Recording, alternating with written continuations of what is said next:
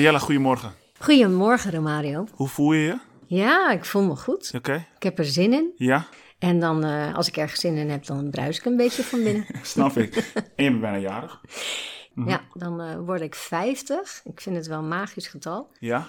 En ehm, ja, je noemt dit omdat ik inderdaad eh, vanavond dan een feest heb. Ja. Ik had begin dit jaar al een beetje, dan begon ik een patroon door te krijgen van, van wat we allemaal kunnen verwachten. Niet helemaal natuurlijk, maar ik kreeg al wel een heel sterk vermoeden dat als ik mijn verjaardag wil vieren zoals ik het wil, dan moet ik niet wachten tot november, dan moet ik het in augustus of september doen. Ja. En inderdaad, dus eh, ik heb wel een beetje gelijk Met gekregen. prima weer ook nog eens. Dus eh, Ja, je hebt ja, zeker helemaal ja, gelijk gekregen. Oké. Hey, ik ben bij jou aangeschoven. Ja. Ik ben in Maden, eh, voor de luisteraars. Dit is een dorp in, eh, in Noord-Brabant. Ja, vlakbij? Breda. Vlakbij Breda. Ja. Waar kom jij zelf vandaan? Ik kom zelf eh, uit Nieuwkerk en IJssel. Ik Mhm. ben geboren in Gouda, opgegroeid in Nieuwkerk en IJssel. Ehm, tot mijn 18e, 19e, toen ben ik met mijn moeder mee verhuisd naar Breda. en dat was in de tijd dat mijn ouders gingen scheiden. En ja, ik heb eigenlijk vanaf het eerste begin al wel heel erg Breda omarmd. Ehm, ik had meer ervaring met een grote stad als Rotterdam. En ja, het, het Bourgondische toch wel, ehm, het- ja, een beetje een boerenstad Breda vond ik Ja. erg veel charme hebben. Oké. En ehm, ook met uitgaan, als je tegen iemand stootte, dan was de vriendelijke lach en eh, sorry. En in Rotterdam was ik nog wel eens wat anders gewend. Ja, grappig dat je dat zegt, want ik ben zelf niet heel bekend in Breda. Wel meer in Rotterdam. En de verhalen die ik meekrijg over Breda, überhaupt over Brabanders, Ja, is best wel positief. ja, ja. Heel positief. Ja, heel ik ben echt wel. Ja, precies. En eh, uiteindelijk heb ik er wel voor gekozen om in een dorp te wonen. Dus ik woon in Terheide, eh, Mhm. vlakbij Breda. Nou, dat vind ik helemaal ideaal. Mhm. Dus dan heb je gewoon de, de dorpse rust. Ja, Ehm, maar ja, op de fiets richting Breda zijn we er snel. En dan Ja. heb je de sta stadse ja, voordelen. genoeg prikkels. Ja, Oké. Hey, zou jij eerst even willen vertellen wie je bent? Ja. eh, wat je doet ja, en wat je drijft ja. in zeker. dit leven? Zeker. Nou, leeftijd weten we inmiddels. Zeker. Ik ben Mariella, achternaam is Kunst, waar ik heel trots op ben. Oké. Ik vind het een mooie achternaam. Passend. Ehm, ja, nou, ik heb al verteld eh, waar ik geboren ben en dergelijke. Ja. In Breda heb ik mijn plek gevonden. Eerst ehm, bij eh, de PABO, daar heb ik mijn studie gedaan Mhm. als docenten. In het basisonderwijs al vrij snel heb ik de overstap gemaakt naar ehm, eh, wel doseren, maar dan aan volwassenen. Mhm. Bij de Microsoft Office applicaties. Dus nou, dat vond ik superleuk. Ja, Ik ontdekte wel ook dat ik het echt heel leuk vond om eh, mensen in mijn groep te krijgen die door de baas gestuurd waren en het helemaal niet fijn vonden om die enthousiast te krijgen voor, voor de programma's Ja. en met een lachend gezicht eh, terug naar huis. Dus dat merkte ik al wel, dat ik daar echt wel heel veel plezier aan beleefde. Ehm, Zag je toen al dat je een bepaald soort kracht had om, om eh, mensen te ondersteunen of te, te, te- nou, ja, het- te ik ontdekte wel dat ik echt een mensenmens... eh, Ja, ja, precies. ja, Ja. dat ontdekte ik wel. In 2007 eh, ben ik zwanger geraakt. waren de mooiste maanden van mijn leven. Helaas is dat in een nachtmerrie eh, geëindigd. Bleek dat mijn zoon was overleden in mijn buik. Ehm, nou, daardoor zijn we in een eh, traject terechtgekomen. En we is Armand, dat is de vader van Niels. Ehm, in een traject van rouwverwerking gekomen. En toen ontdekte ik eigenlijk voor het eerst de kracht van psychologie. Dus ik ben me gaan verdiepen in wat kan ik doen om ervoor te zorgen dat ehm, dit vreselijke verlies ehm, niet gaat leiden tot een depressief leven. Dat wil ik niet. Ik, ehm, ik, ik, ik, zal, ik wil zeker lijden en ik wil zeker rouwen. Maar ik zie veel lotgenoten blijven hangen in depressie. Ja. En dat wil ik niet. Ja, Nou, daar ben ik me in gaan verdiepen. En dat zorgde ervoor dat ik ehm, diverse vormen van rouw leerde kennen. Eh, de pijn, maar ook de boosheid en ehm, ook de verschillen met je partner. Dus jij kan heel diep zitten terwijl hij opeens heel in een hoog andere zit. fase zit. Ja, Ja. en dat het mag en dat het goed is en dat het bespreekbaar is en dat Ja. je elkaar daarmee kan liften. En omdat ik me daarop had voorbereid ehm, en ook eh, Armand daarop had voorbereid, Mhm. zijn we eigenlijk dat eerste jaar heel goed door die rouwverwerking heen gekomen. En toen dacht ik, wow, dat is wel de kracht van psychologie. Mhm. Nou, dat is wel belangrijk om te noemen, want uh, drie jaar later kwam uh, een pleegdochter in ons uh, leven.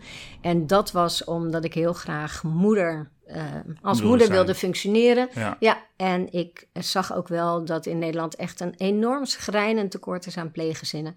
En Arman is ja, eigenlijk een beetje door mij ook uh, in dat uh, traject terechtgekomen. Nou, goed. Dus dan uh, verandert je leven. Ja. En dat verandert sowieso als je ouder wordt. Ja. Uh, wij werden ouder van een kind wat ook al heel veel had meegemaakt. Dus dat is nog wel een dingetje Ja. erbij. Het is niet voor niets een, een, een Nee. pleegkind natuurlijk. Inderdaad, ze is niet voor niets in dat traject terechtgekomen. Ja, Ja. ja, en dat, ehm, ja, uiteindelijk bleek wel dat er heel veel was gebeurd. In haar leven? In haar je? leven, Want ja. wat is haar afkomst? Nou, eh, ze is in Nederland geboren, in Breda Ja. geboren. En eh, heeft een Puerto Ricaanse moeder Ja. en een Nederlandse vader. Ja. Ja, en wat er verder in haar leven gebeurd is, dat doet er nu niet toe. Nee, nee, nee. Nee, maar ehm, was eh, traumatisch op heel veel verschillende gebieden. Mhm. Dat is voldoende eigenlijk voor dit verhaal. Ja. En nou, je kan je voorstellen dat als, ehm, als je eerst een kind verliest, Mhm.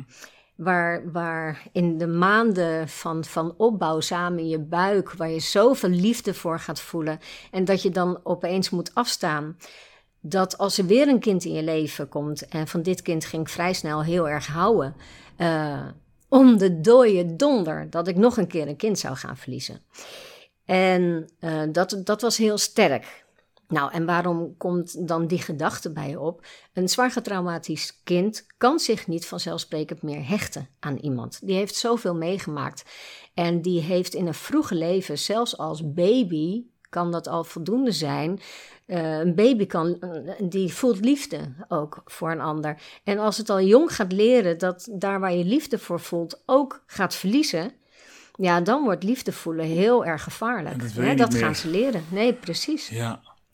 En uh, als zo'n kind dat leert Mhm. en gaat voelen dat hij bepaalde liefde voor iemand uh, voelt, dan zegt het brein: ah, ah, gaan we niet doen. We gaan het saboteren. Want ja, ja, ja, want je kan diegene wel weer eens gaan verliezen. En dan krijg je dus hechtingproblematiek. Ja. Nou, en um, ja, daar, daar, daar, dat gingen we dus wel inderdaad ervaren. Maar wat ik net al vertelde, ik had al geleerd dat verdiepen in de psychologie heel veel kan geven. Mhm. En de, de enorme wil om ervoor te zorgen dat het, uh, dat het een goede band zou gaan worden met dit kind, zorgde ervoor dat ik volledig ging verdiepen in de psychologie. Ja.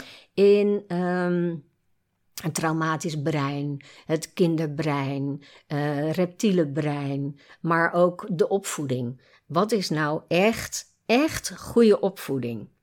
Dan ga je eerst kijken van um, hè, wat, wat zijn de, de, de krachten hier in Nederland en de nanny-programma's en dergelijke. Nou, op een gegeven moment kwam ik erachter, de nanny-programma's zijn het niet.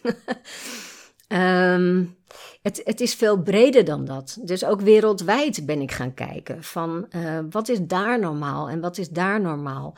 En zo is hier normaal bijvoorbeeld dat je een pasgeboren kind al in een aparte ruimte legt en daar moet hij gaan slapen. Nou, dat is in heel veel landen helemaal Bijzonder, niet normaal. Nee, en, ik, Ja. nee, en voor mij zijn wij mensen de enige, enige Ja. ehm, diersoorten Precies. die kinderen alleen laten Welk slapen. dier doet dat? Ik krijg er kippenvel van. Ja, Wat voor mij vroeger ook normaal was. Maar dat is voor mij helemaal niet meer normaal. Nee. Nee, een pasgeboren kind hoort bij je te, te Mhm. zijn. En natuurlijk, als het slaapt, kan je het zeker in het bedje leggen. Prima. Maar zodra er weer, eh, zodra het kind wakker is, hoort er verbinding te zijn, hoort er Mhm. contact te zijn. ja. Nou, dat is maar een dingetje om te noemen. Dus daar ben ik helemaal in gaan verdiepen. En ehm, echt alles opzij geschoven om ervoor te zorgen dat zij vertrouwen ging opbouwen. Mhm. Nou, dat ging werken. Mhm. Dus ehm, er ontstond steeds meer vertrouwen tussen haar en mij.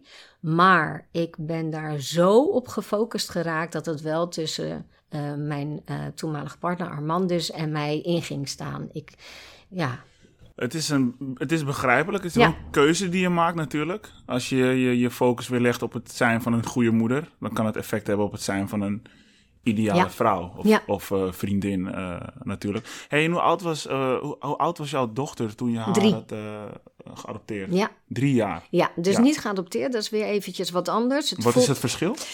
Een pleegkind is officieel een kind wat beschermd wordt vanuit jeugdbescherming. Aha, En daar, ehm, of de, de ouders hebben nog de voogdijschap, ja, of dat is inmiddels bij jeugdzorg. ja, Veel eh, pleegouders krijgen voogdijschap, ja, maar het is niet vanzelfsprekend. ja. In mijn geval ligt voogdij dus bij jeugdbescherming. Mhm. En ehm, ja, hebben de, de biologische ouders hebben dus eh, ge- ja, eigenlijk geen rechten meer. Mhm. Ehm, maar dat, dat, dat kan heel, heel verschillend zijn. Adoptie, ja. dan is het ja, op papier, maar ik vind het verschrikkelijk klinken, een soort van eigendom. Ja. Pff, Ik, ik vind het verschrikkelijk hoor, ja. want een kind is geen eigendom. Nee. Maar ja, op papier wordt het dan zo gezien. Ja, de jeugd, eh, jeugdbescherming of, of welke instantie dan ook, die is eigenlijk gewoon niet meer betrokken bij eh, het kind. Nee, precies. Ja, dus, dus alle rechten en plichten en dergelijke liggen dan bij die ouder. Mhm. Ja. Ik zal weer even teruggaan naar je vraag, want Ja, ik ja, zei al, zeker. ik kan best wel, ik, ik kan best babbelen. Jo, zolang het interessant is, vind ik het allemaal prima. Dus, En dat is het eh, zeker. wie ben ik nou? Dus dat is een stuk, hè? Dus Ja. zodoende ben ik, eh, ja, de- heb ik de titel pleegmoeder gekregen, zeg Ja. maar. Ehm, maar vanuit die ervaringen ehm, ben ik niet alleen maar met haar processen bezig gegaan. Hè. Ik heb ook al verteld dat ik me ben gaan verdiepen in echte, veilige, gestructureerde, positieve, liefdevolle opvoeding. Mhm. En dat is wel een hele belangrijke voor mezelf geworden. Ehm, want ik heb net al verteld, ik merkte dat dat de band ging versterken tussen kind en mij. En niet alleen eh, dit kind, maar heel veel kinderen om me heen. Mhm. En ehm, steeds meer ontdekte ik dat ik de opvoeding, zoals ik hem zelf had gekregen van mijn ouders, echt helemaal los moest laten. Mhm. Want ehm, ja, straf naar je kamer is funest. Mhm. Voor een kind met trauma, Mhm. die in een, in een, in een eh, bijvoorbeeld even in een traumasituatie komt met een grote mond. Mhm. Maar eigenlijk is ze niet brutaal of boos of gemeen naar je, maar worstelt het met angst. Mhm. En ehm, in het begin, dat ik nog niet zo ver gevorderd was, eh, ja, had ik geleerd, hup, ga maar naar je kamer, ga daar maar afkoelen. Maar dat is funest voor een kind, wat juist dan de verbinding nodig heeft. Nou, zo kwam ik erachter, laat die opvoeding van vroeger maar los, want dat gaat hem niet worden. Ja. En ehm, door dat hele proces kwam ik ook steeds dichter bij mijn eigen stukken.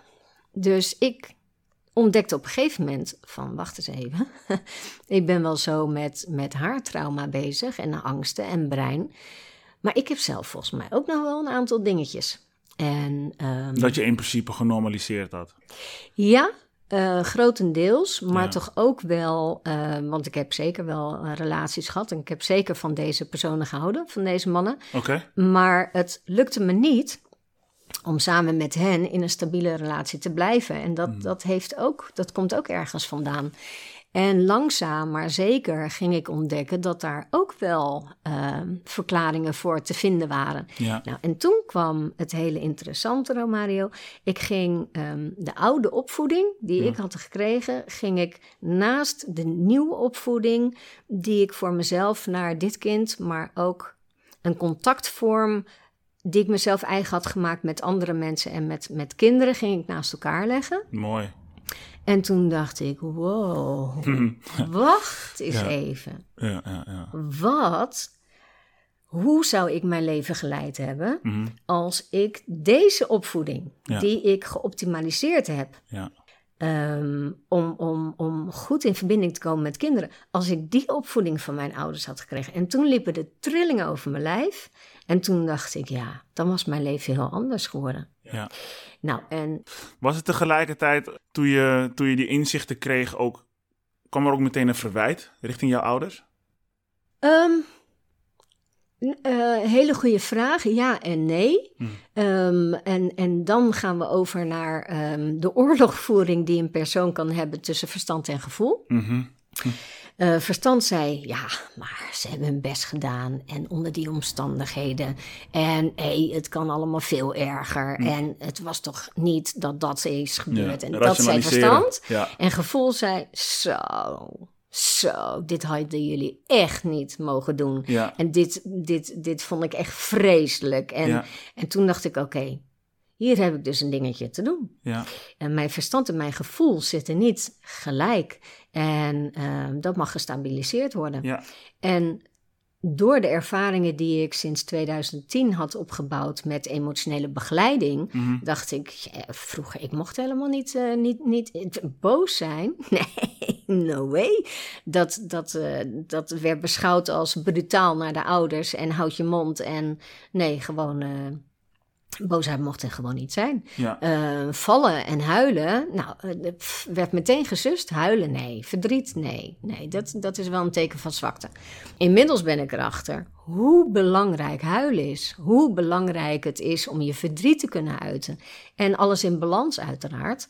Maar ehm, hoe belangrijk het is dat er allemaal ruimte voor is en dat boosheid wel degelijk mag. Ja.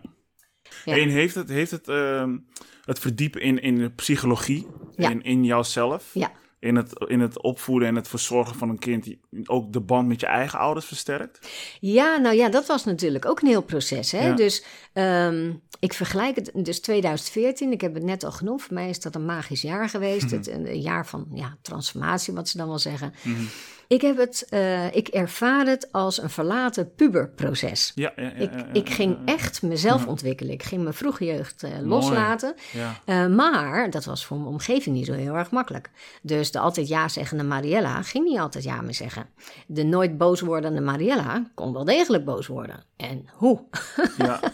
En ehm, Heb je toen ook, heb je toen ook veel te maken gehad met afwijzing? Want je wordt ook Nou, een andere persoon. Ja, en ik zag dat eigenlijk meer als een bevestiging van datgene wat dan niet meer bij me paste. Mooi. Dus ja. ik zag het niet meer als Nee, afwijzing. precies. Ja. afwijzing dacht ik, dat is jouw stuk, niet meer mijn stuk. Nee. Wij passen niet meer bij elkaar. Ja, En ja, ja zo en, simpel is het. En met mijn ouders. ehm ben helemaal gek op mijn moeder. Mhm. En ik vind het fantastisch wat ze altijd heeft gedaan. Hmm. En ehm, zij, zij heeft het ook in zich om een hele sterke, liefdevolle moeder te zijn, Mhm. oma te zijn.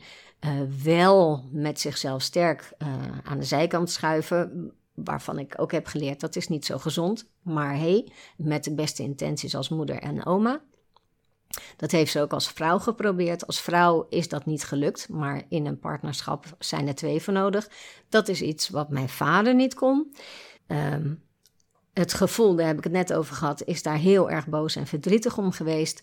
En inmiddels, eh, door alle analyses die ik natuurlijk ook heb gedaan, heb ik eh, ontdekt dat het voor mijn vader min of meer onmogelijk was om dat te kunnen met hetgeen wat hij in zijn jeugd en leven heeft meegemaakt. Hij heeft ook zijn verhaal. Juist. En ehm, mijn verdriet en mijn pijn mochten wel uit. Maar uiteindelijk, toen ik me eh, herboren voelde en eigenlijk mezelf had vergeven dat ik een leven had geleid wat ik eigenlijk nooit echt had gewild, kon ik ook hem gaan vergeven. Sterker nog, dat wilde ik ook. En ehm, het is niet misselijk wat er vroeger allemaal gebeurd is. Alleen, ik voelde een onvoorwaardelijke liefde. Niet op een manier van. ehm, eh, nu nu ehm, moet ik als dochter hem altijd in mijn leven hebben. Nee, want ik vind het nog steeds heel belangrijk dat die ander ook zijn verantwoordelijkheid of haar verantwoordelijkheid pakt en dat je daar samen weg in vindt. Vind je die niet? Wil die ander nog altijd in leugens en, en dergelijke blijven leven? Dan prima, dan laat ik je los. Ik vergeef je, maar ik laat je wel los. Nou, en ehm, dat is lange tijd eh proces tussen mijn vader en mij geweest. Inmiddels is, dat aan het veranderen.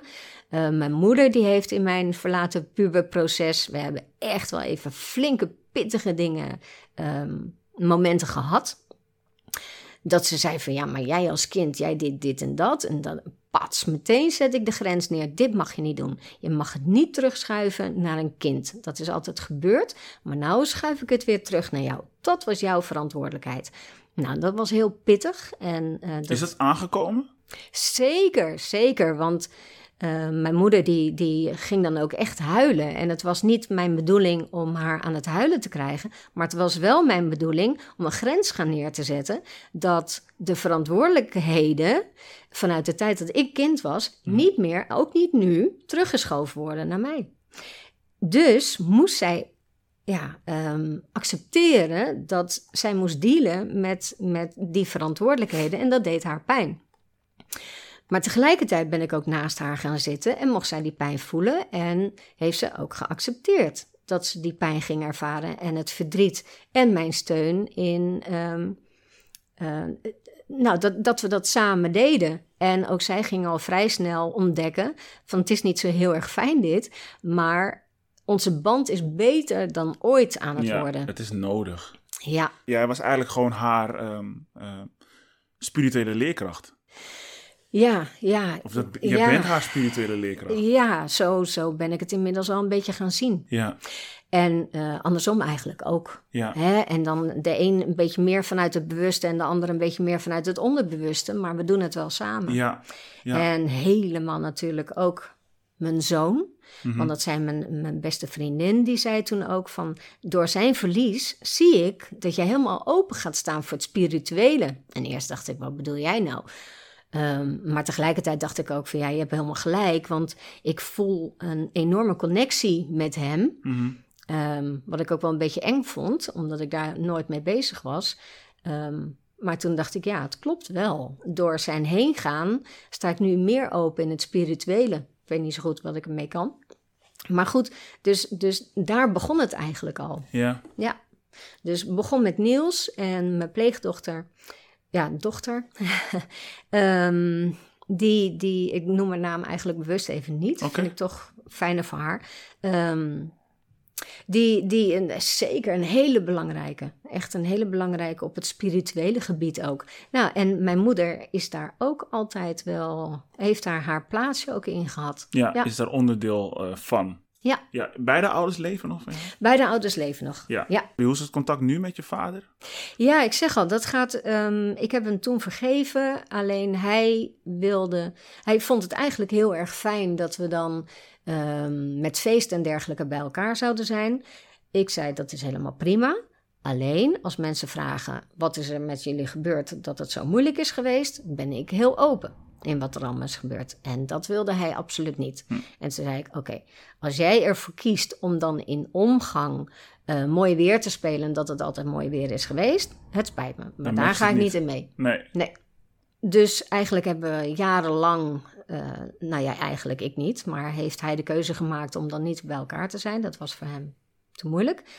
Eh, inmiddels, ehm, door gezondheidsproblemen, eh, is dat eigenlijk geen issue meer. Nee. En heb ik laten weten van, joh, ehm, ja, voor hetzelfde geld is dit inderdaad eh, een, een, een korte laatste fase. Mhm. Eh, als het aan mij ligt, is er contact, maar dan gewoon tussen ons, met niemand anders erbij. Hoeven we ook geen mooi weer te spelen. Dat, dat vind ik prima. Nou, en daar stond hij en zijn vriendin voor open. Dus ehm, ja, de, ongeveer maandelijks, dan zijn we even bij elkaar en dat voelt heel goed. Ja, en dat is misschien ook goed genoeg voor jou. Dat is voor mij helemaal prima. Ja, Ja. ja.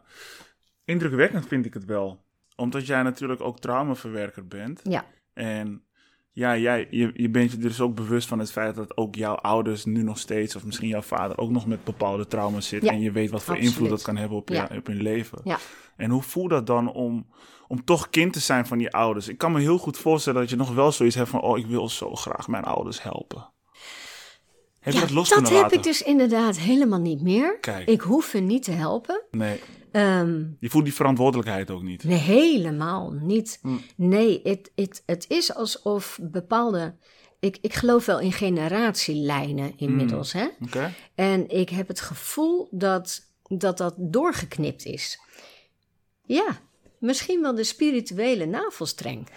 Dat is Ah, mooi, hè? Ja, ja, ja. Ehm, die Dat schiet zo maar binnen. mooie. Ja, Ja. ja dat, nu je dat zo zegt. Want ik heb ook wel eens ehm, een energetisch koord mogen doorknippen met, eh, met mijn moeder. Ja, eh, waar ik ook niet altijd een, eh, een hele fijne band mee heb gehad. En ja, nu je dit zo zegt, denk ik van ja, dat was voor mij precies hetzelfde. ja, Het loskomen van mijn moeder. ja, Letterlijk. ja, precies. En, en wat er dan gebeurt, Ja, Ehm, dus ik hoef mijn vader niet te helpen. Nee, dit is zijn leven, het is zijn pad, het zijn zijn keuzes. zijn lot. En voor mij is het helemaal prima. Ja, Als hij gaat liegen en hij wil mij daarin meetrekken, dat is niet prima. Maar Nee. goed, dat, dat, dat is afgesloten. Dat Ja. gebeurt niet meer. Mijn moeder heeft het recht om ehm, inderdaad naar mij toe te komen, wat je net al zei, Mhm, als zij daar behoefte aan heeft in haar proces. Helemaal Mhm. goed. mhm. Maar niet omdat ik haar wil helpen, maar omdat zij merkt dat het voor haar helpt om met mij daarover in contact te zijn. Ja, En dat is helemaal prima. Ik vind het prachtig. heerlijk. En eh, ja, dat... Ja, ik ken dat als geen ander. Dat is gewoon een heerlijk gevoel. Om, om Ja. ook niet ge- ja, het gevoel te hebben alsof jij daar verantwoordelijk voor bent. Inderdaad, Hoewel het in veel gevallen voor veel kinderen toch echt best wel lastig is om Ja. daarvan af te komen. Ja. En ik merk dat ook. Ik ben jongerencoach en ik werk natuurlijk met heel veel jongeren. Ja, en je ziet dat heel veel gewoon nog vastzitten aan. eh, eh, Is echt een heel proces om daarvan los te komen. Ja. Inderdaad. ja, Ja. oké. Hey, ik, eh, ik, heb net- ik heb natuurlijk een stukje op jouw website gelezen. Ja. En je gaf aan dat je als kind altijd precies wist wat je wilde. Ja. Een langdurige relatie dus, Mhm. op, op basis van vertrouwen en liefde. Ja. Ehm, ja, nou, over liefde wil ik het straks ook nog heel even over, over hebben. Ja, mooi. Ja, dat vind ik een heel mooi onderwerp. En nou, je wilde ge- gelukkige kinderen, Ja. een rijk sociaal netwerk, Ja. een mooie baan en reizen. Ja. Ehm, eigenlijk een leven met zo min mogelijk obstakels Ja. en, en ja, wat zou ik zeggen, ehm, negatieve gevoelens. En eigenlijk het leven zoals het in de maatschappij wordt neergezet. Juist. Maar goed, het liep dus inderdaad anders eh, met jou, eh, met, met het kind dat helaas eh, Ja. ja. doodgeboren is, als en ik met het zo mag zeggen. liep het anders. Ja, Alles liep anders. alles. Ja, dus die, die chaos heeft wel zeker eh, ja, gezorgd voor verandering. Ja. Waarom willen wij dat als kind? Is het, is het, komt het door Disney?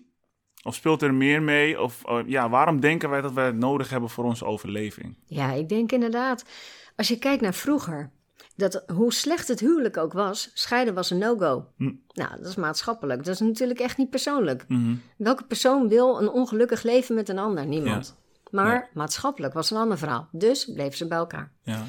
Ja, die maatschappelijke druk. Mhm. ehm, ja, en dat is nu helemaal actueel natuurlijk. Mhm. ehm, die ligt zo zwaar. Mhm. En misschien heeft dat ook wel te maken met, met, ja, met die spirituele navelstreng waar we het net over hadden. Dat het nog zo in het systeem zit. En eerlijk gezegd, ehm, toen dat ik helemaal loskwam, kwam ik niet alleen maar los van, ehm, het- eh, ja, van, van, van die banden van mijn ouders. eh, maar ik kwam ook los van, van alle overtuigingen die echt op ons geplant worden vanuit de maatschappij. Mhm. Het is niet zo dat ik helemaal rebels tegen alles ben. Nee, zeker niet. Maar dat wat niet passend voor mij is, laat ik los. En daardoor voel ik veel minder druk vanuit, ja, nou ja, de druk ligt af en toe nog wel hoog. Maar ik voel niet meer de druk om daarin mee te gaan. Ja, maar het is niet per se, je hebt het nu niet per se over de druk van de maatschappij, of wel? Ja, wel. Wel ja. nog. Oké. ja. En, wat Ja, voor druk moet en- ik denken dan? Eh, ehm, nou, inderdaad, het huisje, boompje, beestje. En dat je, ehm, dat je kinderen krijgt en dat je bij elkaar blijft met je partner. En... Die ervaar je nog, bedoel je? Nee, maar dat, is, dat is wel nog steeds de maatschappij en dat wordt wel verwacht. Ja, Uiteraard. ja. En ehm, dat, dat er iedere keer een norm wat doorgegeven wordt. Ja, en de mensen die, ehm, die nog niet zo in een persoonlijke ontwikkeling terecht zijn gekomen, Ja. leven nog heel erg naar de verwachtingen van die maatschappij. Ja, dat heeft, ja, dat heeft gevolgen inderdaad. Ja. Ook, ook gevolgen op je, op, je, op je zijn, op jouw creativiteit vooral. Ja, En dan En- snap ik het wel, hè, dat het zo is ingericht. Ja. Eh, dat is hoe de economie Zeker. natuurlijk werkt. zeker. En dat zorgt er ook voor dat het naar mijn idee wel goed genoeg Ja. draait op, op, op, op, Ja. op mondiaal niveau. Mhm. Maar op, als individu is het best wel eh, Nou, inderdaad. schadelijk. Inderdaad, en zeker de, de ik ben een heel open persoon geworden en daardoor heb ik ook heel veel open, open gesprekken met mensen.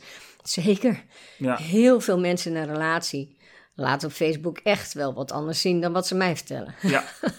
ja. Heel veel mensen. En ik hoorde jou net Disney zeggen, daar wil ik nog wel even naar terugpakken. Ik vind Disney juist Mhm. heel veel, ehm, eh, soms wel een beetje onbewuste prikkels doorgeven om juist los te komen van die maatschappelijke druk. Zo heb ik een filmpje, dat Oh was ja? een, ja, ja, Dat vind ik interessant. ja. Zo heb ik een, een eh, filmpje, ik zit even te denken, volgens mij was dat een voorfilmpje voor Vajana, Mhm. maar dat weet ik niet heel zeker. Ehm, waarin ehm, een, een, een tekenfilm, animatiefilm, ehm, je, je zag een man en die ging naar zijn werk en die kwam thuis en die ging eten en dat. En Ja. je zag hem echt zo een beetje als een gerobotiseerd mannetje lopen. En dan ervaart hij een keer iets op zijn pad en dat had te maken met een kind. Ja, volgens mij, ik moet echt even graven, maar kan bijna niet anders dan dat het met een kind te maken had. En dat deed iets met hem. En eh, als een zaadje ging die ervaring in hem groeien.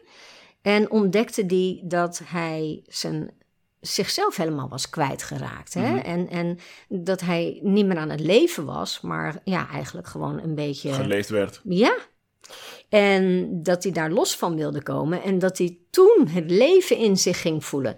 Ja, en dat zie ik best vaak terugkomen in Disney-films. Klopt, dat, dat, dat, dat, dat is hem ook opgevallen. Maar Ja. je hebt het nu wel over een best wel recente Disney-film. Ja, Als je het hebt over. Viana. Ja, En als je kijkt naar de, de Bell and the Beast, de Assenpoesters Oh. ehm, en dat soort films. ja, Het eindigt heel vaak met, oké, komt een stelletje, ja, ze komen bij elkaar ja, en ze leven nog lang en gelukkig. ja.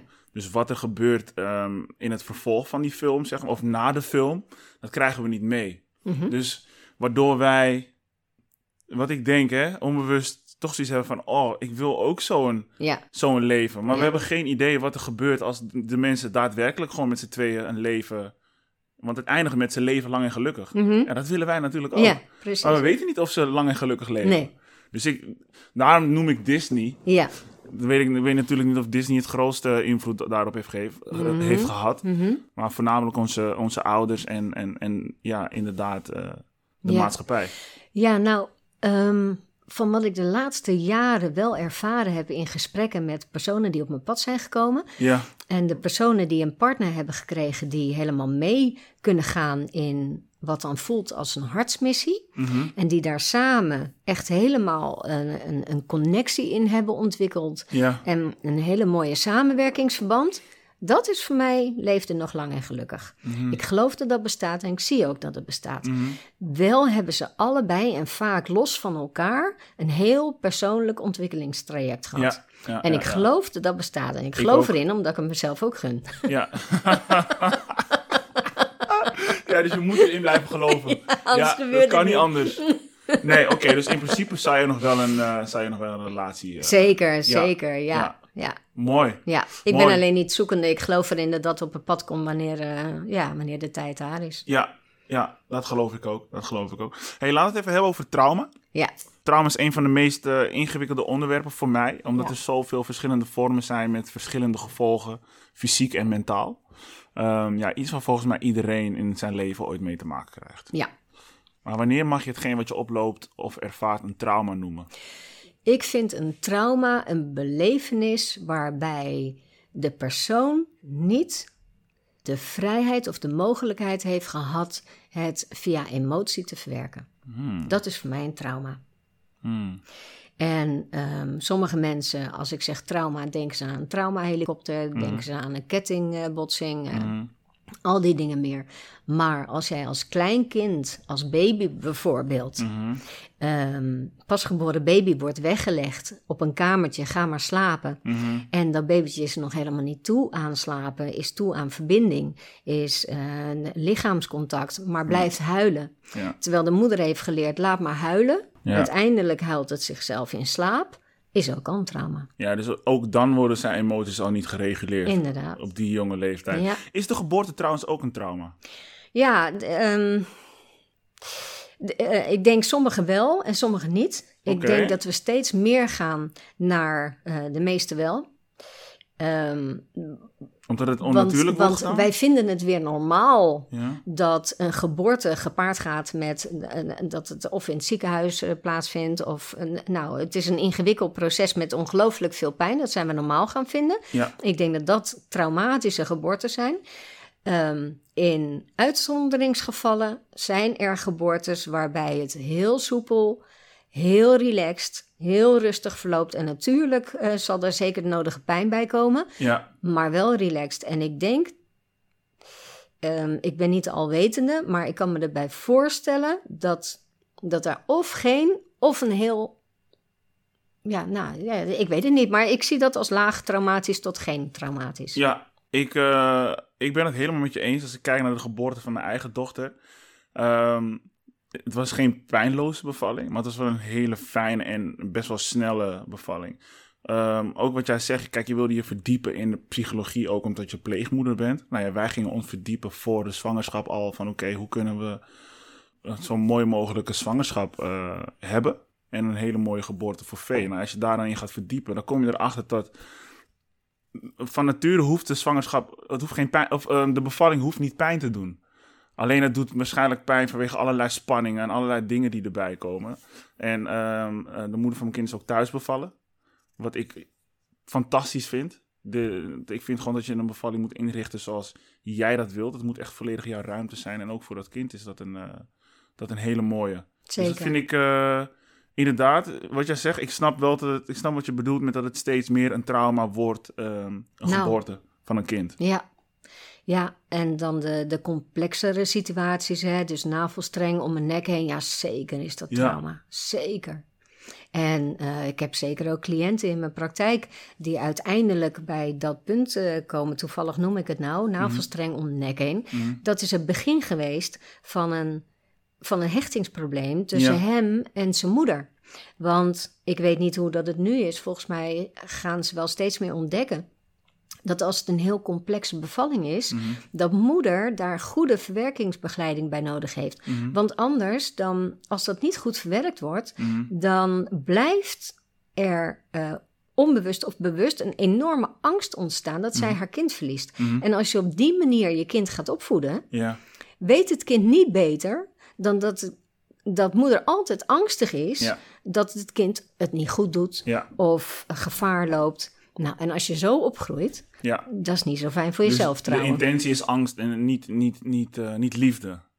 In de, ja, de angst gaat voor de liefde staan. Ja. En liefde en vertrouwen, hè, die, Ja. die zie ik hand in hand gaan. En als die niet hand in hand gaan, dan heeft angst veel invloed. Ja, is dat, is dat hoe een postnatale depressie ontstaat? Nou, daar heb ik wel een mooi verhaal over.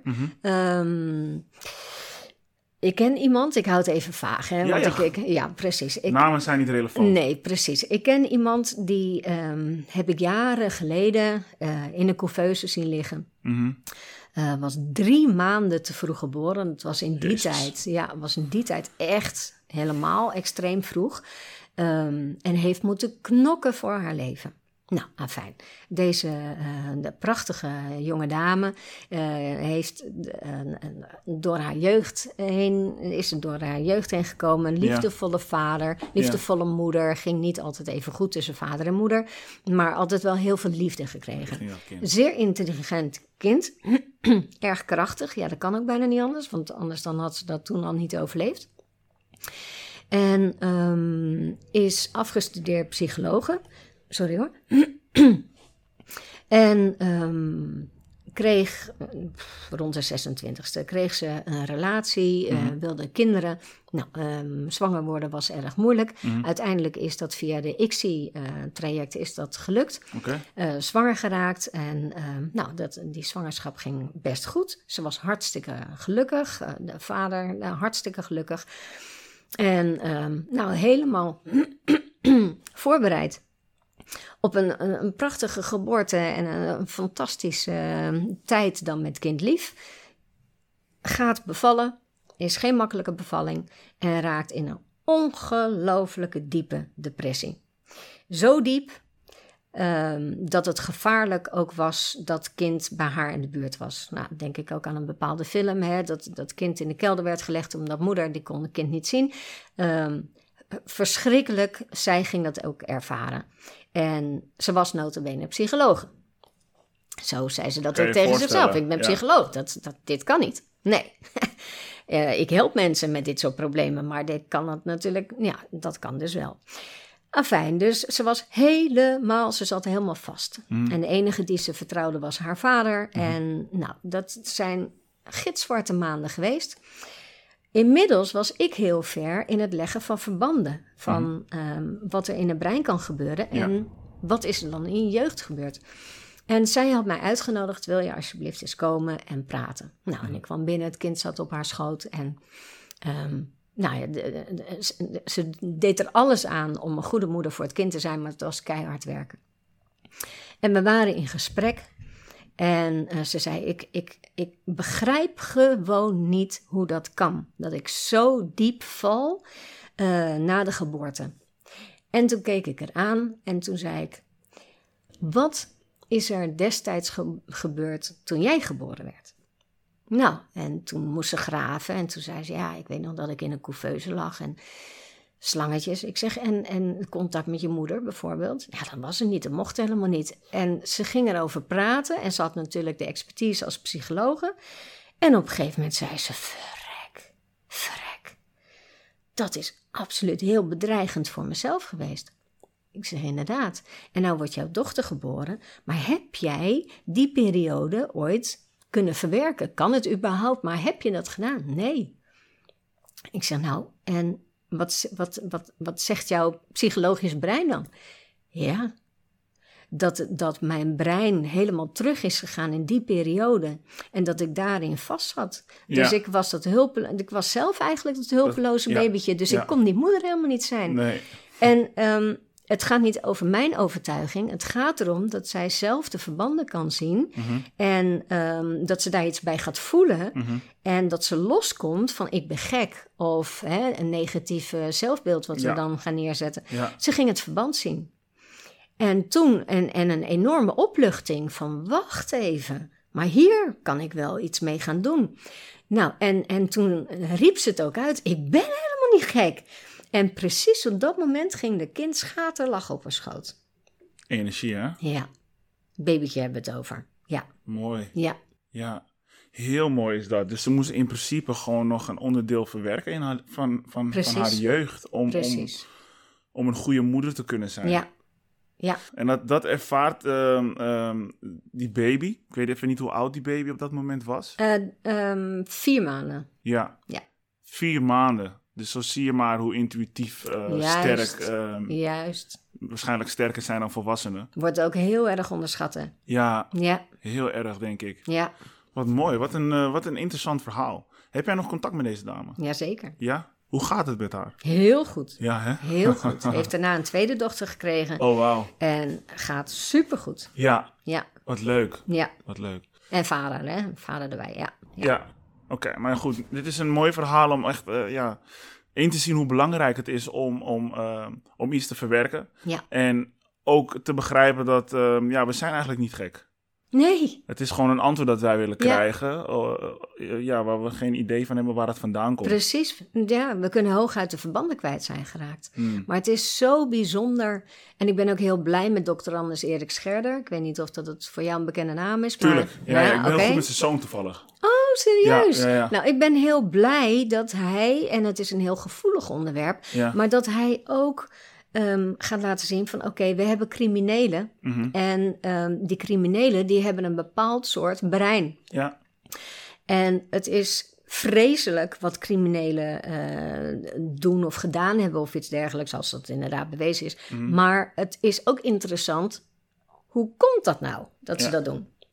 En inmiddels ehm, is ik ben inmiddels helemaal overtuigd dat deze mensen zwaar trauma hebben.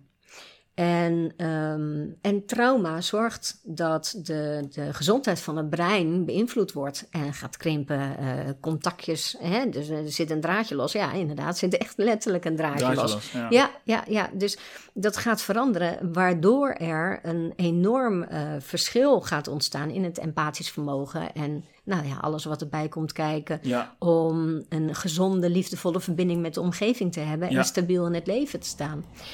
Vervreemd van hunzelf in principe. Precies, Ja, precies. Ik, ik zeg ook altijd, het onbe- onbewuste doet alleen pijn. Ja. Het bewuste nooit. Ja. En dat is waarschijnlijk hoe zij dus, eh dus manoeuvreren. Dus in principe kunnen wij stellen dat een, ehm, dat een misbruiker misbruikt is. Ehm, En of, dat is- het echt één op één is, Ja? weet ik niet. Maar hij, ehm, hij of zij, Mhm. ehm, er is wel echt wat misgegaan. Mhm. in de veiligheid van het leven van die persoon. Mhm. En ik denk inderdaad dat heel veel mensen die misbruik plegen op andere mensen zelf ook vormen van misbruik hebben meegemaakt. Of dat het 100% is, dat durf ik niet te zeggen, maar ik denk wel Ja, met, met misbruik eh, bedoel ik heel breed, hè? Misbruik Ja, oké. alleen In die zin zeg ik meteen ja. Ja, als je de emoties niet juist reguleert, be- bewust doet, dat is naar mijn Ja. idee ook gewoon misbruik. Ja, En ehm ja, emotionele verwaarlozing.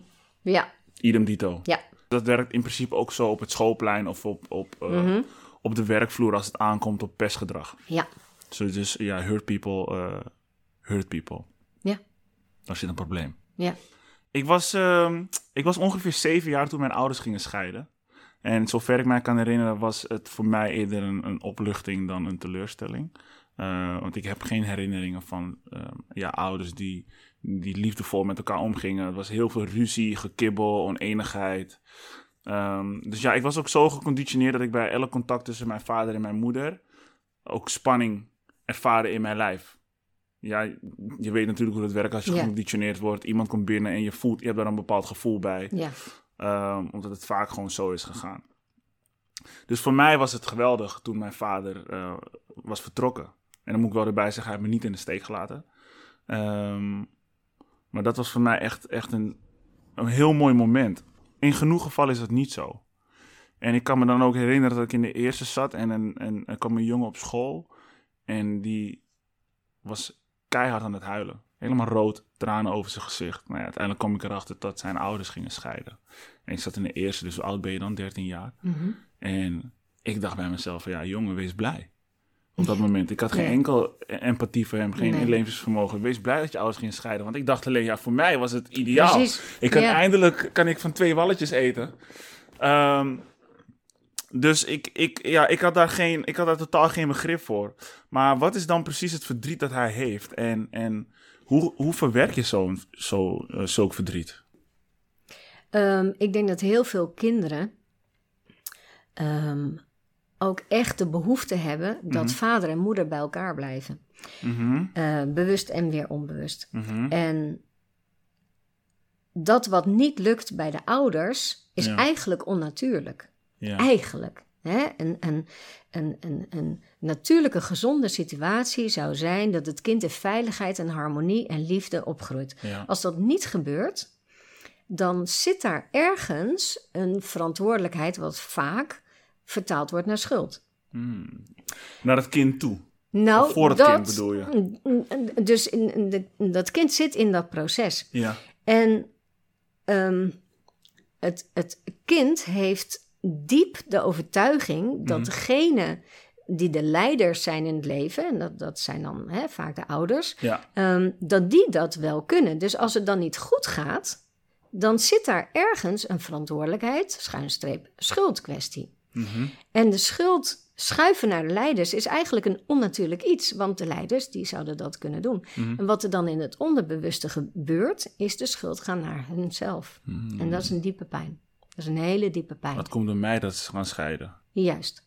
En ehm, dat is een diepe pijn. Tegelijkertijd is de overleving.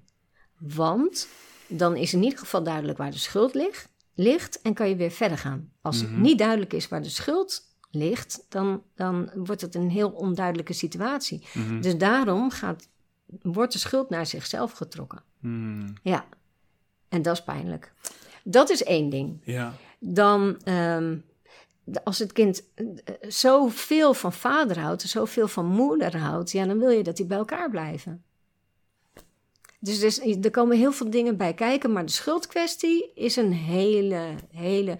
Dat wordt erg onderschat bij scheidingen. Dus hij zocht eigenlijk gewoon een antwoord. Hij heeft het antwoord gevonden en ging daar gewoon mee verder.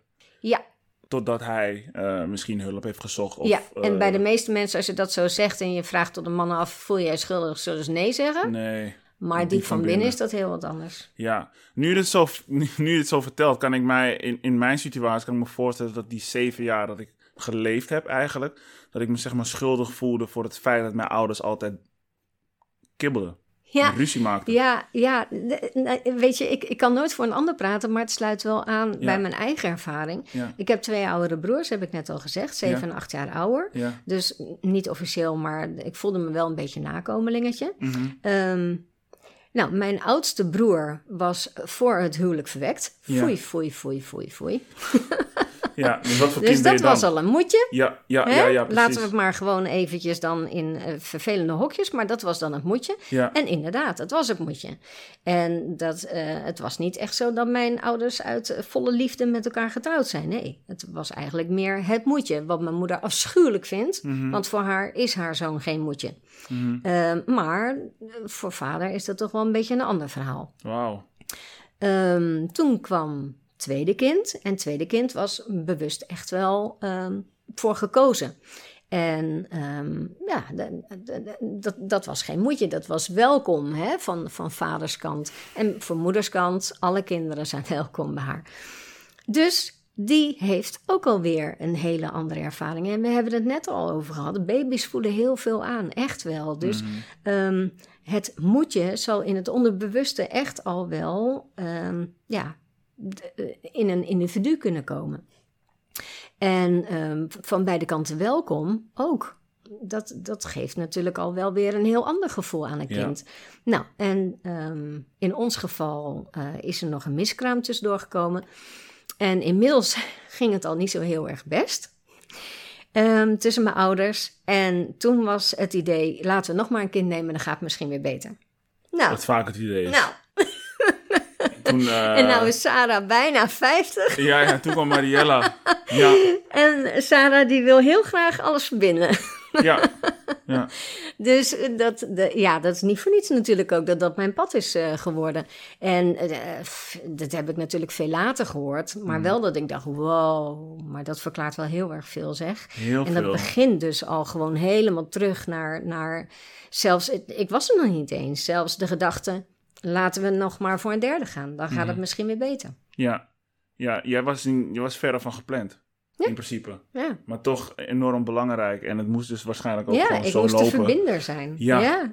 Jezus, nou, wat, een interessant rol dat, voor een eh, kind. Ja, ja, ook nog eens. Ja. Ja, Beha- behoorlijke verantwoordelijkheid Ja. ook. En dat gaf je ook aan van je was vaak genoeg ook de, de, de mediator Ja. of eh, de therapeut. ja, mijn broers waren toen al uit het huis en toen begon de ellende echt. Ah ja. ja. Hoe, is hoe is de relatie tussen jou en je broers? ja, goed. Ja, Goed. oké. Ehm, we hebben alle drie dus een hele andere eh, beeld van onze jeugd. Eh, ik met mijn oudste broer ligt, wat dat er gaat, meer bij elkaar, omdat we gewoon niet in een goed contact met vader waren.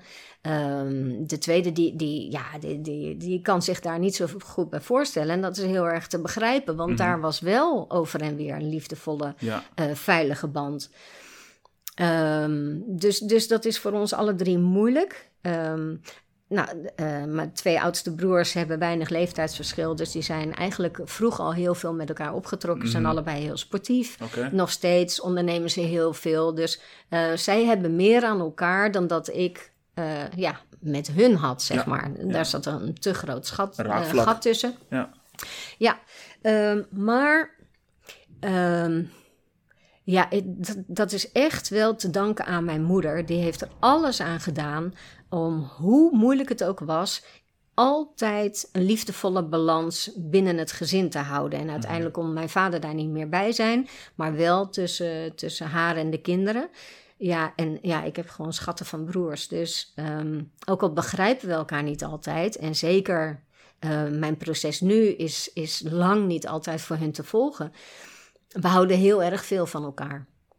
En in die zin, ehm, ja, de- hebben we prima contact. En af en toe dan is er weer even wat meer tijd voor nodig om weer een beetje bij te praten, zodat, zodat ze ja, weer een beetje beter begrijpen, zeg maar. Mhm. Ja, en af en toe denk ik, nou ja, we laten het gewoon zoals het is. Ja. Maar als Ja. het prima is, is het prima in Ja. principe. Dus is empathie het antwoord tot, eh, tot, eh, tot geluk?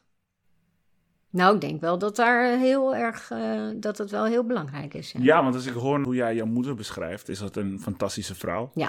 Ehm, die, die ja, ook empathie heeft Ja. voor haar kinderen. Dat heeft Ja. jouw vader helaas een stuk minder. Maar daardoor eh, ja, zijn jullie, hebben jullie wel een bepaald soort band gecreëerd. Dus ze dacht ook echt wel aan haar, aan haar legacy. Zeker, zeker. En, en ja, we hadden het net al even over spiritueel. Mhm. Ja, ergens voelt het dat wij. Het voelt voor mij ook wel dat dit echt wel een, een, een traject is. wat, Mhm. wat, wat echt in ons leven moest gebeuren. Ja. Dit, dit was echt iets. eh, om te leren, Ja. zeg maar. Ja. Ehm, ik ben vroeger ook nooit bezig geweest met de ziel, maar inmiddels eh, nou, heb ik echt wel mogen ervaren dat een ziel bestaat en wat kracht van de ziel ehm, allemaal kan brengen. Ja, in die zin voel ik ook echt een heel sterk zielsverband met mijn moeder. Dit, dit, Hmm. dit is echt een, een zielsproces ook. En bedoel je daarmee dat jullie één zijn? Eh, direct zegt een stem nee. Oké. Misschien is dat de ego, hè? Nee, ik, voel me, ik voel me echt in mijn eigen eenheid, dus ook mijn eigen zielseenheid. ja. Ehm, maar misschien wel één in dat proces. Ja. Maar dan als, als, als Individu. losse, juist. Hm. En wat is het ziel volgens jou? Ja, weet hè? je, ja, ja, nou, ik, dat is een hele, hele, dat vind ik zo mooi. Er valt zoveel te ontdekken op het gebied van de ziel. Hm. Ehm, voor mij was de vraag, en wanneer dan?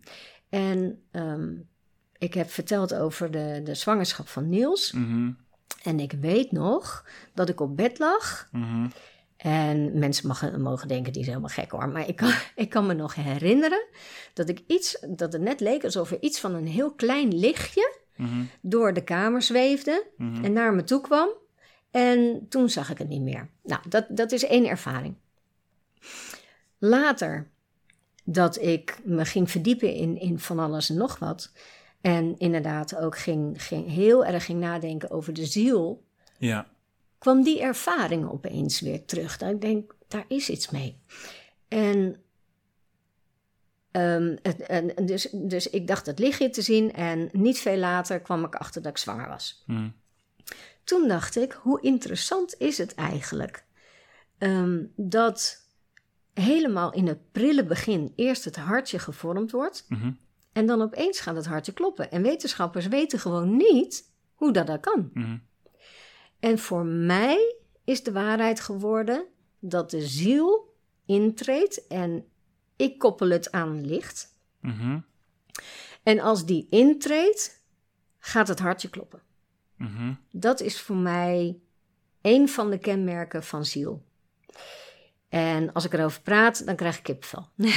dus Ja, dat, ik eigenlijk ook. Want eh, ik heb het nooit zo bekeken, maar ik vind het een hele mooie ehm, theorie, ja, om het zo maar te zeggen. ja, ja, nou, En als hij dus vertrekt, stopt het hart. Dus zie je het dan ook zo? Ja, ehm, daar heb ik nog nooit echt over nagedacht. Dus dat, dat weet ik niet. Maar, ehm, maar wel hart en ziel worden op die manier met elkaar verbonden. Dat, Hmm. de- daar voel ik iets heel intens bij. Ja, ja, ik, eh, ik, ik snap die heel goed, ja. Ja. En ehm, ja, inmiddels, het werk wat ik doe als traumaverwerker, Mhm. voel ik een hele sterke verbinding met mijn cliënten. Dat kan niet anders. Mhm. Als je trauma gaat verwerken, dan is de voorwaarde dat de, dat de omgeving en het contact veilig is. Mhm. Er is een bepaalde vorm van liefde. Ehm, er is zeker vertrouwen.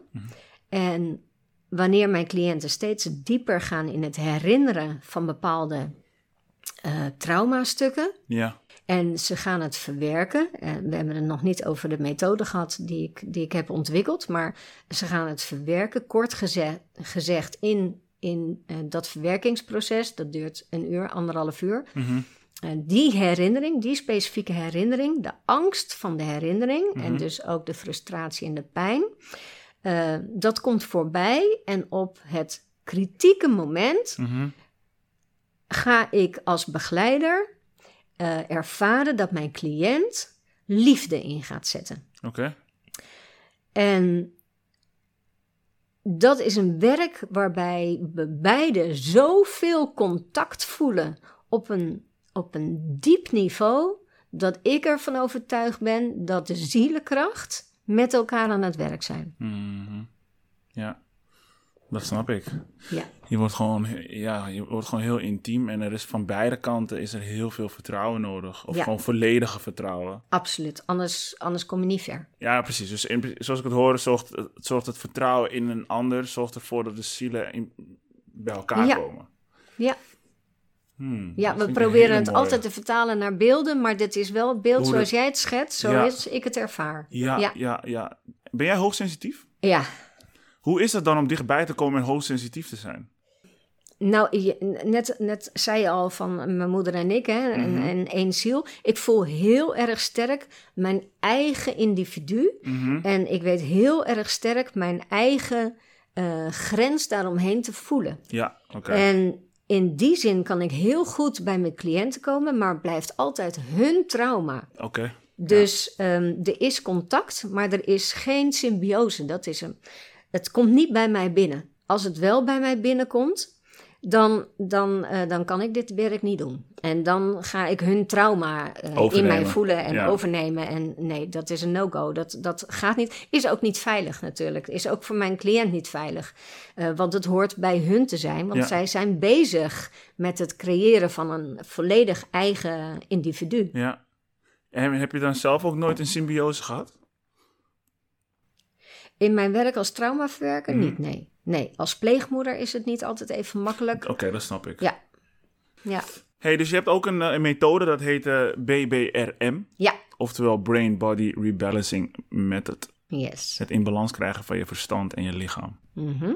Supermooi. Ja, Wanneer is ja ik wil wel zeggen graag brein eigenlijk. Oh, sorry. Ja, sorry. ja. Is dat heel iets anders dan Ja, verstand? vind ik wel. Ja? Vind ik wel. Brein is echt. Ehm, verstand wordt zo gekoppeld aan IQ en het vermogen en dergelijke. En brein is gewoon echt het orgaan waar we het over hebben. En, en het gaat over dat orgaan. Mhm. Ehm, en, en zeker omdat we werken Mhm. via traumaverwerking naar het herstellend vermogen van dat orgaan. Dus vandaar dat ik het echt over dat fysieke Mhm. Brein. brein wil hebben. Ja, oké. dus zit verstand in je brein? Mhm. Mag ik dat wel zeggen Ja. zo? Ja. Aha, ik snap, eh, ik snap waar je heen gaat. Oké, dus je brein en ehm, je lichaam. Ja. Wanneer is het wel in balans? Ja. Ehm, het, het, blijft altijd werken om dat in balans eh, ja.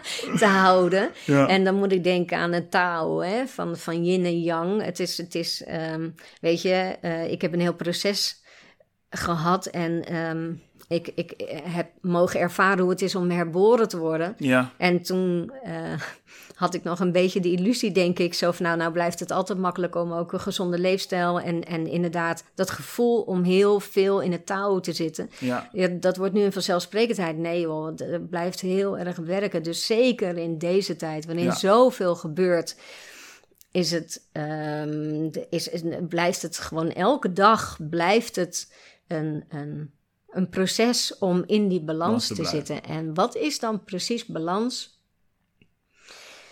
Wat is balans voor mij? Ja, ik denk wat ik in het begin van dit gesprek zei, dat ik er niet voor hoef te werken, maar dat het als vanuit zichzelf ga, gaat. Dus ehm, ja, dat is het eigenlijk. Dus eh, als ik niet in balans ben, dan moet ik heel erg op de tijd letten. En dan moet ik heel erg dit en dan moet ik heel erg dat. En, en inderdaad, eh, ruik of zie ik iets lekkers, dan moet ik aan mezelf werken van nee, ik neem het niet, ik neem het niet of ik neem het toch. En ben ik in balans, ja, dan is het gewoon een easy go. Ehm, alles gaat vanzelf. Opvoeden bijvoorbeeld. Ehm, zit ik niet in die balans, moet ik heel erg nadenken van, of, hoe moet ik dat nou weer zeggen? Of, of, dan gaat dat komen, hoe moet dat? En ben ik in die balans, ik hoef helemaal niet na te denken, het komt er meteen je zit uit. gewoon in een bepaalde flow. Ja, Dat is, dat is gewoon, eh, gewoon lekker organisch. ja, Op de website van jouw praktijk beschrijf je eh, het stapsgewijs programma. Mhm. En wat mij is bijgebleven is dat je heel duidelijk en eerlijk aangeeft dat verwerking van het verleden veel energie kost. ja, En dat het belangrijk is om energiegevende activiteiten in te Ja. plannen. Ehm, ik vind het sowieso fantastisch dat je dat aangeeft. Ehm, en dat is vast en zeker ook om het proces te verstevigen. ja. Ja, ik vind het heel belangrijk om er heel eerlijk in te zijn. Eerlijkheid hoort bij veiligheid. Mhm. Mooi. ja. Ehm, en, en het proces is ook.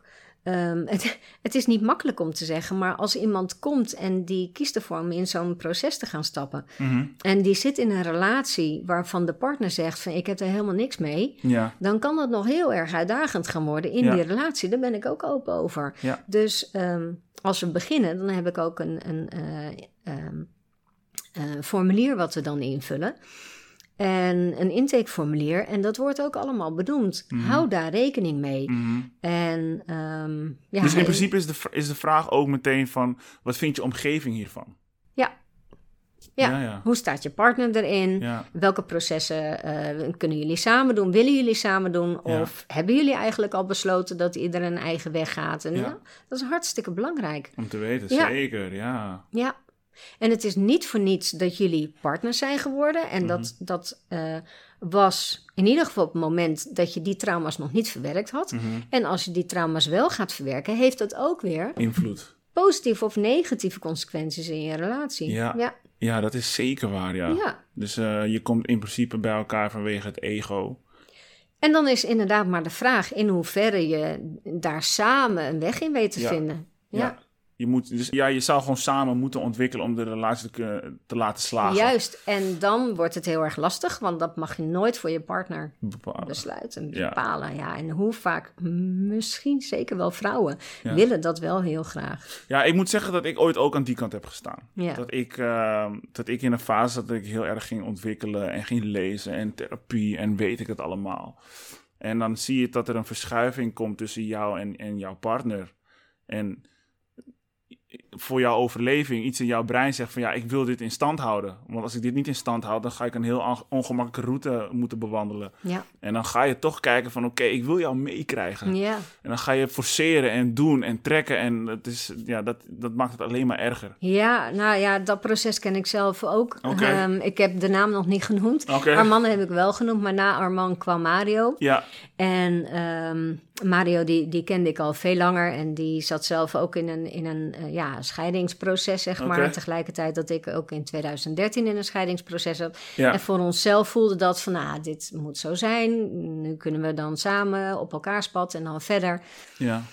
Dat was in 2013. Ik heb 2014 al vaak laten vallen. Dus toen kwam mijn... ehm, Wat een jaar, hè? ja, ja. Ehm, toen kwam mijn proces van, van emotionele verwerking en transformatie. Ja, En ja, nou ja, in ons geval gingen we steeds meer uit elkaar. Terwijl Mm. we dat helemaal niet wilden, want de liefde was heel erg sterk. mhm. Uiteindelijk zijn we dus ook uit elkaar gegaan. eh, maar de liefde bleef. eh, Mm. ook dat we, dat we uit elkaar waren. En kwam hij eigenlijk ook in een proces. Alleen hij was er nooit mee bezig geweest. Dus hij, voor hem was het allemaal nieuw. Mhm. En ging hij bepaalde verbanden zien. door alle gesprekken die ik ook had over mijn eigen situatie. ja, Maar die nog zo pijnlijk voor hem waren. Daar kon Mm. hij eigenlijk gevoelsmatig nog helemaal niet bij. En dus enerzijds hadden we zoiets van... oh, we hebben inderdaad een, een opening gevonden. En anderzijds, ja, ik, ik zat in een heel ander tempo dan hij. ja. Dus we hebben jarenlang ons best gedaan, maar het mocht niet zo zijn. Nee. En, en ook hij is een zeer goede vriend nu van mij gebleven. En heeft, is erg gelukkig in een nieuwe relatie en het is oké. Ja, Het is oké en ik zie hem eigenlijk juist door die hele sterke liefde die wij hebben gehad. ehm, is, is het heel erg goed geweest dat we dat hebben gehad, want het heeft het ook wel versterkt om mijn proces ehm, door te gaan. Ja. Ja, ik denk onder andere omdat we een hele sterke liefde voor elkaar hadden. Dat ik dacht, ik wil mezelf zo graag helen, dat ik het nu dus wel voor elkaar ga krijgen in een relatie. Maar ja, toen kwamen we er samen achter dat het niet alleen mijn stuk was. ja, precies. Je, werkt, je moet er met z'n tweeën aan werken Ja. natuurlijk. Ja. Hey, ik wil jou toch vragen. ehm, ehm, ik zei, ik wil het nog graag over liefde hebben met jou. Ja. Ik wil als eerst wel heel graag weten wat liefde betekent voor jou. Nou, het eerste woord wat in me, in me opkomt is vuur, Mhm. vlammen, Mhm.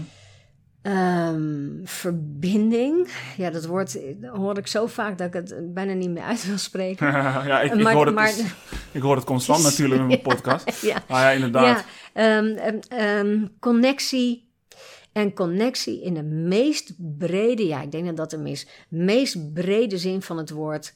Eerst met jezelf, met je omgeving, met de natuur is heel erg belangrijk voor mij geworden. Ik ben echt een dolfijnenvrouw. Oh, Ehm, ja, nou, om, om een voorbeeld te noemen, dus, dus die liefde, die verbinding die ik heb ehm, met de natuur, die, die sinds 2014 Ja. nog veel sterker is geworden. ja. In 2019 bijvoorbeeld was ik aan het zwemmen in de Rode Zee.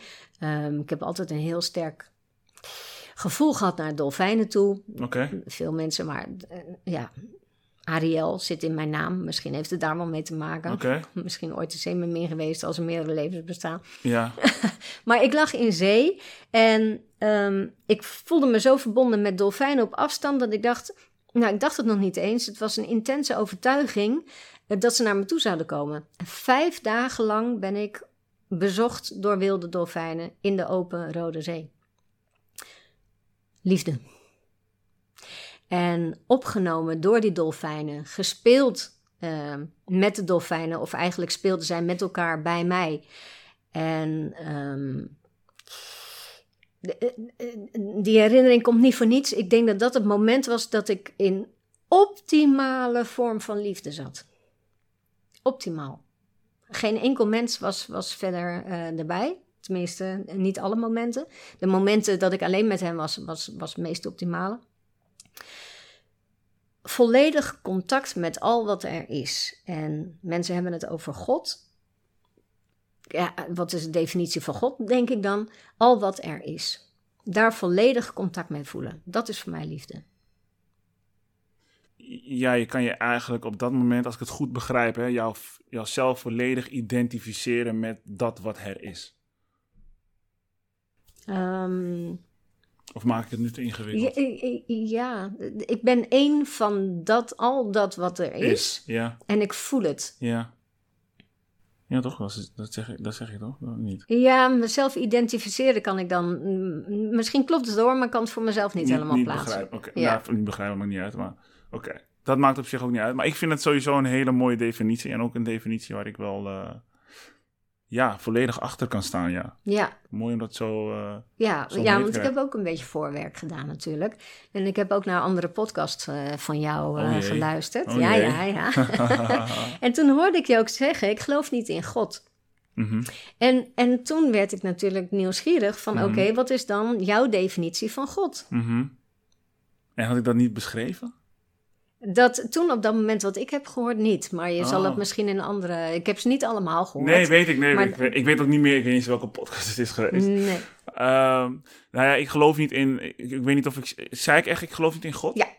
Ah, Oké. Ehm, om het beter... te- Om het Oh ja, dat was degene van de kerk en de religie. Oh, geloofsleren en taboes. Ja, Ja. dat, dat was een leuke, leuke vent ook. Ehm, ik geloof niet in de religie. Dus ik, ik, ik ben van mening dat als jij ehm, eh, in iets gelooft buiten jou om, in een, een persoon of een object, om het zo maar te noemen, we zijn allemaal objecten, ehm, dan verleen je je eigen waarde uit aan een ander. Juist, ik geloof inderdaad niet in Gods dienst. Ja. Daar geloof ik ook niet in. En helemaal prima hè, dat mensen dat wel doen. Ehm, Ja, iedereen zijn eigen, zijn eigen route en zijn manier. Dat, dat kan werken voor iedereen. Ehm, maar niet voor mij. Ik geloof dus in dat ik in principe zelf een, een, een, een god ben. We zijn allemaal. we zijn onderdeel zijn- van al wat er is. Ja. ja. Dus dat is een beetje hoe ik het zie. En dat is, dat is eh, God voor mij. Dus ik voel me ook goddelijk, om Nou. het zo maar te zeggen. Dan geloof ik dat wij in die zin dezelfde visie hebben. Ja, ja. En, en ook eh, zeker weten over, eh, over liefde. Mooi. Ja. Ja. grappig dat je dat, dat beluisterd had. dus dat was een brandende vraag voor Ja. jou natuurlijk. Ja, ja, ja, maar dat, eh, weet je, dat is zo, hè? Ehm, als, als je aan iemand vraagt, wat is God voor jou? Nou, dan zeggen ze ja, een onzichtbare man, bijvoorbeeld. Hè? Diegene die kan dat zeggen, die, Ja. ehm, ja, die de aarde heeft gecreëerd en dat is onzin. En dan vraag je het aan een ander, dan zegt hij ja, God is liefde. En dan vraag je het weer aan een ander. En zo heeft iedereen een eigen definitie van God. prima. Ja. Ja, en als iedereen een eigen definitie heeft van God, kan ik niet zeggen of dat ik daarin geloof. Ja. Dus eh, ben ik altijd benieuwd van ja, wat, wat, wat betekent dat woord dan voor jou? Mm. En ik gebruik inderdaad het goddelijke, Mhm. ehm, maar, maar dan zeg ik ook meteen of, of een Boeddha of, of Ja. ehm, maar al wat er is, ja, dat, dat, dat omvat al wat er is. ja. Mooi. Ja, Mooi. Ik heb nog, ehm, ik heb nog één vraag voor je, want we zijn al eh, een hele poos onderweg. ja lekker. Ja, heerlijk ja. Eh, maar ik wil het niet al te lang maken voor onze Mhm. luisteraars. Wat zijn, wat zijn jouw drie kernwaardes? Ja, liefde, vertrouwen. Mhm. En wat is dan de derde? Zit vertrouwen niet in liefde? Ja, dat zei ik al, hè? die gaan hand in hand. Ja, dus ik er Maar, nog twee van maar Ja. binnen pleegzorg hebben heel veel pleegouders gezegd: liefde alleen is niet genoeg. En dat Mm. klopt. Mhm. Dus liefde en vertrouwen. En Snap dat ik. heeft natuurlijk te maken met verbinding. Ja. Maar ik heb net al gezegd, ik wil verbinding niet te vaak noemen. Dus ik ga voor die. ehm, ja, laten we dan maar ehm, verbetering. Hè? Het zit in mijn praktijknaam verbeterkunst. Mhm. Eh, verbetering. We zitten nu in een tijd van, van chaos ten top. Mhm. Dus in ieder geval zoals ik er naar kijk. Mhm. Dat is niet per definitie fout. Ehm, ik denk dat het goed is wat er gebeurt, maar Mhm. het is wel heel zwaar en het is heel erg de vraag voor iedereen: waar gaan we heen? Mhm.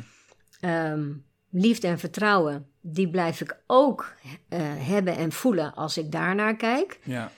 En ik voel ook een enorme behoefte dat onze moeder aarde in een gezonde situatie gaat komen. Ja. En ik vind dat de mensheid daar alle verantwoordelijkheid eh, samen met al wat er is, Mhm. want wij mensen bepalen echt niet eh, volledig de gezondheid van de aarde, maar Is het niet andersom juist? Juist.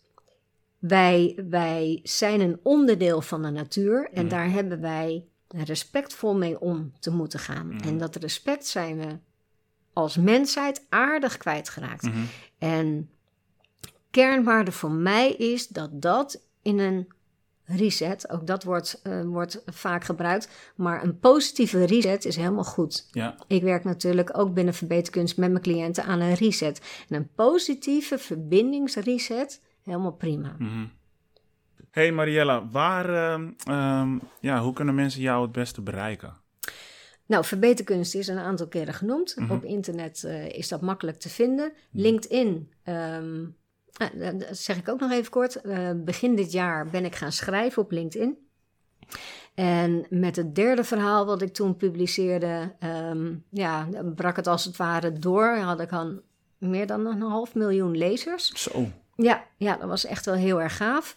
En van daaruit eh, zijn de cliënten binnengestroomd naar de praktijk hier in Maden. Zo, meer dan een half miljoen. Dat, Ja. is, eh, dat is veel. Ja, ja. Zijn het fictieverhalen? De- dat zijn een praktijkverhalen, Praktijkverhalen, storytelling. Ja. En eh, dit verhaal heette Wolf in het hoofd. En dat was in samenwerkingsverband met een kind. En dat kind ging vertellen, ik hou van jou, maar tegelijkertijd zegt mijn hoofd, ik wil jou doodmaken. Mhm. Nou, daar zijn we redelijk in het begin van de podcast mee begonnen. Ja. Liefde wordt gevaarlijk, dus eh, het hart zegt liefde, het hoofd zegt, ah, ah niet doen. Vechten of vluchten Ja. of bevriezen, maar eh, niet in verband gaan met die liefde. Nou, en dat proces is een samenwerkingsverband geworden met het kind. En eh, mede door Disney Pixar film Inside Out is het kind enorm geholpen zichzelf te gaan accepteren. Ja. En dat de proces in het brein losstaat van het individu zelf. Ja. Ehm, ja, en, en dit kind is heel erg belangrijk geworden, ook in het neerzetten en het ontwikkelen van mijn methode. Mooi. Ja. Ja, Ja. heel mooi. Je laat met dat kind ook zien hoe belangrijk het is om gewoon weer goed in balans te zijn. Precies, nou daar heb ik heel kort heb ik daar een verhaaltje eh, over geschreven. Ja, Ja. en dat kwam in alle, alle harten terecht van de lezers. Ja. dat zou me ook zo raken, denk ik. Een hele hoop. ja. Mariella, ik wil je bedanken voor je tijd. Het was, Ja. een, eh, het was een zeer boeiend gesprek. nou, ik vond, ik vond het heel erg fijn. boeiend. Ja, gelukkig, gelukkig. En eh, ook fijn dat ik eh, hier in jouw praktijk mocht komen. Mhm. En ehm, ja, ik hoop en ik ga ervan uit dat het niet onze laatste ehm, contactmoment is. Nee, dat, nee dat, ik geloof het zelf niet eens dat dit eerst en laatste is. Ja, en voor, voor jou is het vanavond wel even lekker feest vieren. Ja, ja, en je bent welkom, hè? Ja, Als ik je heb, de een- tijd ik heb, hebt, ik heb een eh, planning helaas. Oh. Ehm, anders had ik het zeker wel willen meemaken, want dat is natuurlijk een feest zoals ik het niet gewend ben, denk Ja, ik. ja, nee, dat Ehm, klopt. Ja, Maar ja, goed, volgend jaar ben je ook weer jarig. ja, Dus eh, Ja. wie weet. ja. Dankjewel. ja heel graag gedaan. Verbinden met Roms. Mariella Kunst. Ik hoop dat de chemie zo voelbaar was voor jullie luisteraars als voor mij. Dit was voor mij een aflevering met ontzettend veel nieuwe informatie. Hoe niet alleen een onveilige hechting met één van de ouders van invloed is op jouw binnenwereld, maar ook als volwassenen maken wij keuzes door trauma's die in ons zitten. Misschien omdat wij ook onveilig zijn gehecht. Hang jij net over het randje van twijfel over jouw hechting? Of heb je gewoon een brandende vraag? Bekijk dan de website van Mariella www.verbeterkunst.nl. en hopelijk kan het wat voor jou betekenen. Vond je het een fijne aflevering en wil jij graag een comment achterlaten? Dan kan dat op mijn website www.verbindenmetroms.nl. En dan verbinden wij ook. Voor nu bedankt voor het luisteren en tot de volgende aflevering. Verbinden met Roms.